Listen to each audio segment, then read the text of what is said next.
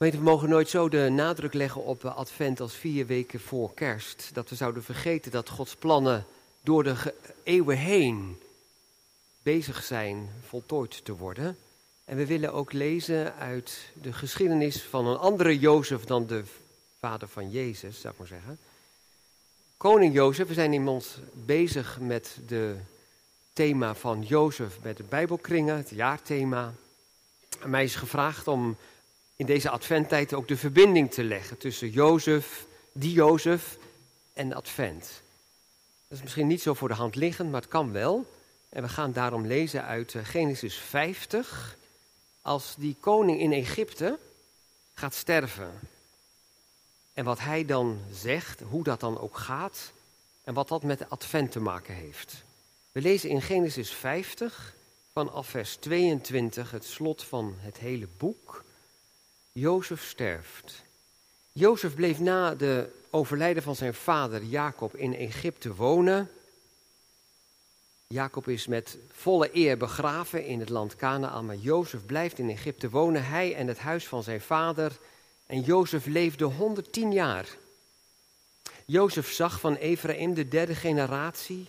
Ook werden de zonen van Magi, de zoon van Manasse, op de knieën van Jozef geboren.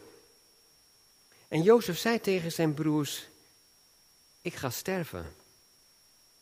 Maar God, maar God zal zeker naar jullie omzien en jullie uit dit land laten trekken naar het land dat hij gezworen heeft aan Abraham, Isaac en Jacob. En Jozef liet de zonen van Israël zweren: God zal zeker naar jullie omzien en dan moeten jullie mijn beenderen van hier meenemen. En Jozef stierf toen hij 110 jaar oud was. Ze balsemden hem en legden hem in een kist in Egypte. De eed die de broers van Jozef moesten afleggen, is van generatie op generatie doorgegaan. En ze nemen dan, wanneer God hen inderdaad gaat bevrijden uit Egypte, ook daadwerkelijk mee op weg naar het beloofde land. We lezen uit Exodus 13, versen 17 tot 20. Toen de farao het volk had laten gaan, is het gebeurd dat God hen niet leidde langs de weg door het land van de Filistijnen, hoewel dat korter was. Want God zei, anders zal het volk het berouwen bij het zien van oorlog en wil het naar Egypte terugkeren. Daarom leidde God het volk om langs de weg door de woestijn naar de Schelfzee. In slagorde trokken de Israëlieten uit het land Egypte. En Mozes nam de beenderen van Jozef met zich mee. Want die hadden de zonen van Israël plechtig een eed laten zweren en gezegd: God zal zeker naar jullie omzien. En dan moeten jullie mijn beenderen hier vandaan met jullie meevoeren. Zo braken zij op uit Sukkot en sloegen hun kamp op in Etam aan de rand van de woestijn. De vraag is, hoe wist Jozef zo zeker dat God hen uit Egypte zou bevrijden en terug zou brengen naar het beloofde land. Dat gaan we lezen uit Genesis 15, de versen 13 tot 18. God sluit een verbond met Abraham. Hij doet ook een eed. Een eed. Zijn belofte staaft hij met een eed. We gaan lezen uit Genesis 15 vanaf vers 13. Als die verbondsluiting plaatsvindt, toen zei God tegen Abraham, terwijl Abraham in een diepe slaap is en duisternis over hem valt, dan openbaart God de toekomst. Toen zei God tegen Abraham, weet wel dat uw nakomelingen vreemdelingen zullen zijn in een land dat niet van hen is. Zij zullen hen dienen en men zal hen 400 jaar onderdrukken. Maar ook ik zal over het volk dat zij zullen dienen recht spreken en daarna zullen zij met veel bezittingen wegtrekken. Maar u zult in vrede tot uw vaderen heen gaan. U zult in goede ouderdom begraven worden. De vierde generatie zal hier terugkeren, want de maat van de ongerechtigheid van de Amorieten is tot nu toe niet vol. En het gebeurde dat de zon onderging en het donker werd en zie, er was een rokende oven en een brandende fakkel die tussen de stukken doorging. Op die dag sloot de Heer een verbond met Abraham en zei: Aan uw geslacht heb ik dit land gegeven, van de rivier van Egypte af tot aan de grote rivier, de rivier de Eufraat. Tot zover de schriftlezing. Genesis 50, vers 24 is de tekst voor de preek van morgen. Jozef zei tegen zijn broers: Ik ga sterven. Maar God zal zeker naar jullie omzien en jullie uit dit land laten trekken naar het land dat hij gezworen heeft aan Abraham, Isaac en Jacob. En hij liet hen zweren dat zij zijn beenderen mee zouden nemen als ze zouden vertrekken. Misschien niet een direct voor de hand liggende verbinding tussen Jozef en Advent. Maar juist dat wat Jozef zegt als hij gaat sterven, dat hij laat zweren aan zijn broers dat God naar hen zal omzien, is een duidelijke lijn die duidelijk aangeeft hoe Jozef in het leven staat, waar hij op hoopt, waar hij in gelooft en waarin hij ook een plek in die geschiedenis wil innemen. Met alle consequenties van dien. Het is eigenlijk heel bijzonder dat van dat sterven van Jozef eigenlijk maar zo weinig wordt gezegd. En dat zijn sterven en zijn begraven zo sober plaatsvindt. Helemaal niet als van een koning. We hebben kort geleden meegemaakt dat er een koningin stierf, waarvan de mensen zeiden, nou nu zij overlijdt, dat is het einde van een tijdperk. Elisabeth II stierf 8 september op zeer hoge leeftijd, in de leeftijd van 96 jaar. En wereldwijd leidde dat tot een stortvloed aan afscheidswoorden. Welke stabiliteit zij had gebracht in een turbulent veranderende wereld. Zij was trouw en met haar toewijding was eigenlijk als het, als het ware een baken in zee. En dat was, haar sterven was tegelijkertijd een start zijn voor allerlei plichtplegingen en uitingen van publieke rouw. Passend om afscheid te nemen van een koningin die zo lang heeft geregeerd. Een staatsbegrafenis. Met een protocol helemaal uitgeschreven tot in de kleinste details. Mensen konden afscheid nemen in de ene plaats, in de andere plaats. Mensen stonden heel lang in de rij. En er was een, een publieke begrafenisdienst aan de ene kant. En tegelijkertijd later in de besloten kring voor haar eigen familie nog weer eens een keer een begrafenisdienst. Alles nauwkeurig vastgelegd. In schril contrast met het sterven van koning Jozef. Hij is ook op hoge leeftijd. 110 jaar oud. Hij voelt zijn einde naderen en wat dan opvalt, is dat hem helemaal geen eerbetoon ten deel valt. Heel anders dan zijn vader toen hij nog helemaal aan de macht was. En zei, mijn vader is overleden en hij wil begraven worden in Canaan. Mag dat? Ja, natuurlijk, zei de farao. En ik zal hem ook de eer geven dat hij de vader is van onze koning. En hij wordt dan ook met alle eer begraven daar in Canaan. 40 dagen balsemen, 70 dagen publieke rouw. Een enorme stoet die uit Egypte trekt om Jacob in Canaan te begraven. Maar als Jozef zelf sterft, niets van dit al. Hij wordt wel gebalsemd, dus die 40 dagen wel, maar geen publieke rouw. Geen staatsbegrafenis. Is dat niet vreemd? Nou ja, misschien zegt u ja, maar hij was ook maar een onderkoning, hè? Hij was uiteindelijk niet de echte farao zelf. Maar hij was wel heel erg belangrijk. Eigenlijk had de farao tegen Jozef gezegd op het moment dat duidelijk werd dat de dromen van die koning, van die farao, bekendgemaakt werden door Jozef. Er komt een hongersnood aan.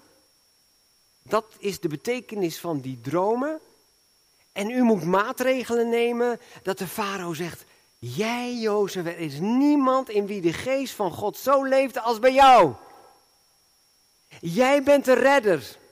Jij bent onze redder. Jij bent de redder van de wereld. En wij geven jou nu dan ook een andere naam. We noemen jou niet Jozef, maar we noemen jou Safnat Paanea. Redder van de wereld. Uit dankbaarheid van de farao. Dat Egypte op een randje van een, eh, een enorme ramp gered werd door de plannen van Jozef.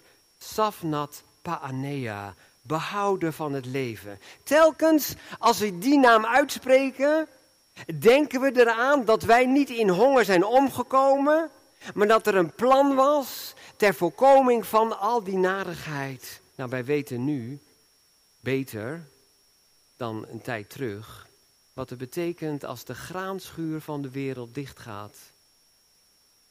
De oorlog in Oekraïne heeft ons duidelijk gemaakt dat voedselzekerheid wel heel erg belangrijk is. De prijzen schieten omhoog. Er was een enorme opluchting dat er een overeenkomst werd gesloten dat die graantransporten toch door konden gaan. Stel je voor als dat niet was gebeurd. De mensen in Egypte wisten heel goed wat ze aan Jozef te danken hadden. Hij heeft ervoor gezorgd dat we niet zijn omgekomen. En Flavius Josephus, de geschiedschrijver, die gebruikt dan ook inderdaad die woorden. Hij is de Salvator Mundi, de redder van de wereld. Maar hoe kwam dat? Omdat de geest van God in Jozef was de openbaarmaker van verborgenheden. Om maar duidelijk te maken, Jozef had dat niet van zichzelf.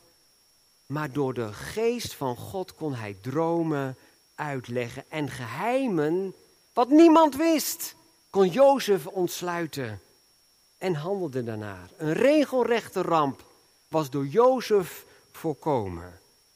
Nou zou je kunnen zeggen en kunnen verwachten dat als je nou zo'n carrière hebt doorgemaakt, hè, je bent als een eenvoudige herdersjongen ergens in Canaan geboren, als uh, een van de vele zoons van Jacob, maar je wordt verstoten door je eigen familie, verkocht, je wordt een slaaf in Egypte. En je wordt uiteindelijk de onderkoning van een supermacht, een wereldrijk. Egypte was zo belangrijk in die tijd, was een wereldmacht. En jij bent dan de man waarvan iedereen zegt, maar jij bent de redder van de wereld, Jozef. Als je nou zo'n carrière hebt doorgemaakt, hè? dat is een droomcarrière, toch? Dan zou je misschien wel denken dat je je identiteit daar helemaal op gaat bouwen. Kijk eens wat ik teweeg heb gebracht. Ik ben toch allemaal uiteindelijk toch maar koning geworden. Maar dan blijkt dat deze Safnat Panea zich niet laat leiden door wat hij tot stand heeft kunnen brengen. Dat hij zijn identiteit daar niet op bouwt, maar dat hij een man is in twee werelden. Dat hij uiteindelijk wel tot zegen wil zijn in Egypte, zijn gaven en talenten gebruikt om een ramp te voorkomen en die hoge positie in te nemen. Maar dat hij daadwerkelijk eigenlijk, als je in zijn hart kijkt, een Hebreeër is geweest en gebleven. Ik wil behoren bij het volk van God. Dat is een koninkrijk dat blijft. Egypte heeft wel glorie. En ik ben wel belangrijk in dat hele wereldrijk. Maar dat zal ook een keer voorbij gaan. Ik wil deel uitmaken van dat koninkrijk dat God gaat brengen in deze wereld. En dat heeft consequenties voor mij. Ik maak andere keuzes dan dat ik mijn identiteit zou uh, bouwen op mijn carrière. Ik bouw mijn identiteit op de belofte van God. Daar wil ik bij horen. Uiteindelijk sta ik in die lijn. Ik wil horen bij de lijn van Abraham, Isaac en Jacob. Als deze Jozef nu zegt, ik ben oud geworden, 110 jaar, en ik voel het, mijn gloriedagen zijn al lang voorbij. Ik kan al lang niet meer degene zijn die van betekenis is in Egypte, maar mijn leven is van betekenis. Ik ga wel sterven, maar ik ga sterven, maar God. God gaat naar jullie omzien. De God die beloofd heeft aan Abraham, Isaac en Jacob dat ze zullen wonen in het beloofde land, die zal zijn belofte waarmaken. En daarin is Jozef aan het einde van een tijdperk. En misschien zullen zijn broers dat ook wel heel goed hebben aangevoeld. Wat gaat er met ons gebeuren als wij niet meer de bescherming hebben van Jozef? Die Egyptenaren, die pruimen ons niet. We mogen dan in dat land Gozen wonen, in een apart land, en dan zien we ze tenminste niet. Maar het is wel een verachtelijk volk hoor. Die herders, daar willen we niks mee te maken hebben. Nou ja, we dulden ze vanwege die, vanwege die koning. Maar wat als hij er nou niet meer is? Hoe zullen de Egyptenaren dan met ons omgaan? Dat is niet alleen een vrees van die broers, het heeft ook te maken met wat God al lang bekend heeft gemaakt. Niet aan Jozef, maar aan Abraham. Hoe wist Jozef zo zeker dat er een hele zware periode aan zou komen. Dat die glorietijd van Jozef toen hij onderkoning was, dat dat voorbij zou gaan. En dat er een nieuwe tijd aan zou breken van verdrukking en slavernij. Dacht misschien, nou ja, misschien heeft Jozef daar wel over gedroomd. Hij was toch de dromer. Of misschien heeft God hem wel een speciale openbaring gegeven dat hij dat weet. Niets van dat alles. Hij wist het omdat God het aan Abraham had gezegd. Op een hele bijzondere manier. Tijdens de verbondsluiting waarover wij hebben gelezen in Genesis 15. Maar dat is drie generaties terug. Dat is van vader op zoon doorgegeven. God gaat dat doen. Abraham heeft het doorgegeven aan Jacob en aan Isaac. En uiteindelijk hebben ook de zoons van Jacob dat allemaal gehoord. Maar wie gelooft het? Wie leeft daaruit? Daar komt het op aan. Jozef, die gelooft dat. En Jozef zegt, de glorie van Egypte gaat voorbij, maar God gaat zeker naar jullie omzien. En jullie? Sfeer mij, niet alleen dat God naar jullie om zal zien, maar dat jullie mij ook mee moeten nemen naar dat beloofde land. Er komt een zware tijd aan. Er komt honderden jaren van slavernij komt er nog over dat volk. Maar dat is niet waar Jozef op doelt. Hij is echt een man van advent. Hij is wat dat betreft echt een adventschristen zou je kunnen zeggen. Ik verwacht het toekomende koninkrijk van God. God gaat zeker naar jullie omzien. God vergeet zijn plannen niet. En jullie mogen het ook niet vergeten. Zweer me dat het van geslacht op geslacht zo zal blijven bestaan. Dat mijn lichaam weliswaar gebalsemd wordt, maar hier blijft wachten in Egypte Totdat het moment daar is. Totdat de exodus gaat beginnen. Dan moeten jullie mij meenemen. Dat niet vreemd? Kijk, omdat Jozef eigenlijk zo'n adventschristen is, zou je kunnen zeggen. Laat hij in, uh, in Egypte geen praalgraf voor zichzelf maken. Had hij ook kunnen doen, hè? We hebben net gezongen dat wat Jozef ook maar aan die farao vraagt, dat gebeurt. Hij had ook kunnen zeggen, uh, net als u, hè, u maakt zo'n piramide daar in Egypte. Nou, voor mij hoeft het niet zo groot te zijn, want ik ben maar onderkoning. Maar geef mij ook maar zo'n piramide daar in Egypte. Dan kunnen de mensen later nog zien, oh ja, Jozef, dat was de, de redder der wereld. Vindt Jozef niet belangrijk?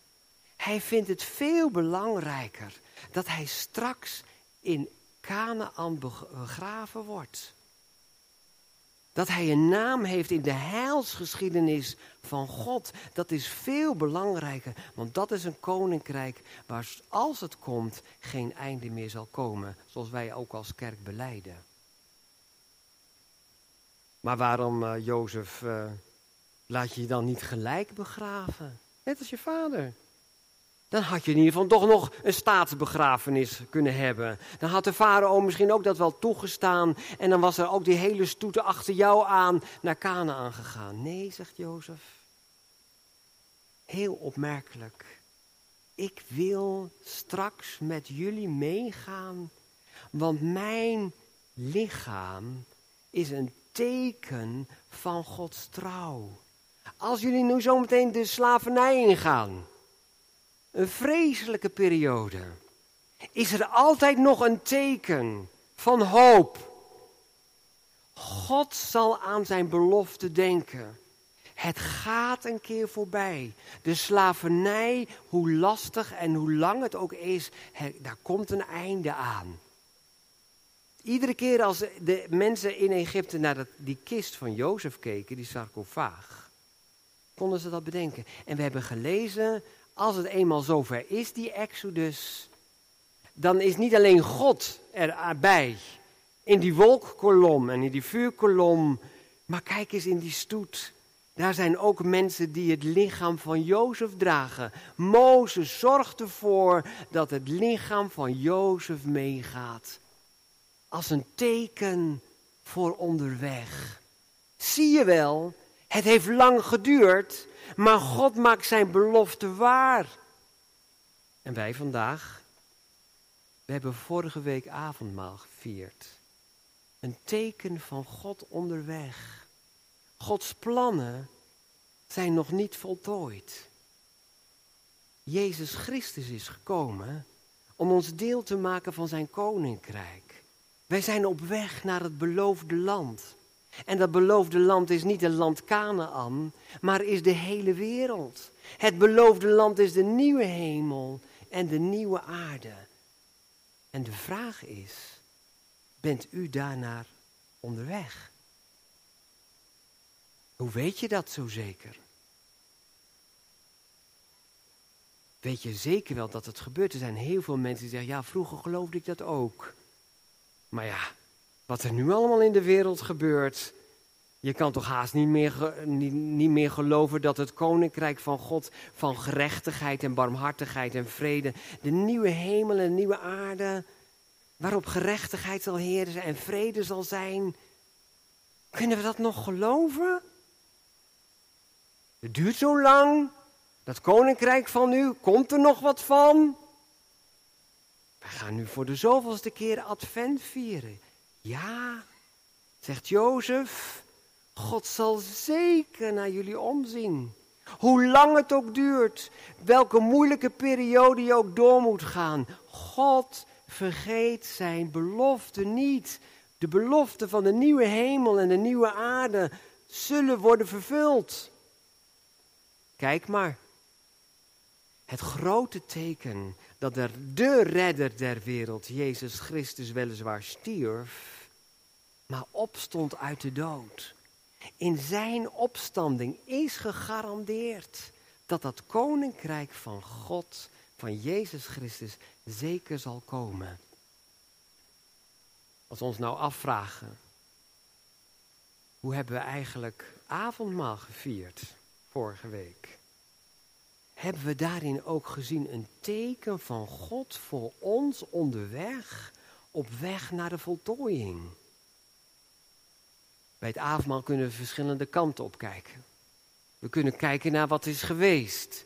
Wat Jezus Christus voor ons heeft gedaan. Dat Hij geleden heeft voor onze zonde. Heel belangrijk. Maar tegelijkertijd zeggen wij ook bij het avondmaal vieren, we doen dit zo lang totdat Hij komt. En we zien uit naar het grote bruiloftsfeest van het Lam. Advent betekent voor ons dat we op grond van de komst van Jezus Christus zeker mogen weten dat God zijn belofte waarmaakt en het koninkrijk van Jezus Christus komt. Advent is kijken naar wat komt. Zien op de tekenen die God geeft om het onderweg, op weg naar het beloofde land, met een opgeheven hoofd, met kracht en met hoop te leven als christenen die zich niet vastgrijpen aan deze wereld, aan de carrière die je hier kunt maken, maar mens van twee werelden te zijn. Tot zegen vandaag, de dingen die je moet doen, in het perspectief van het koninkrijk dat gaat komen, een teken van hoop.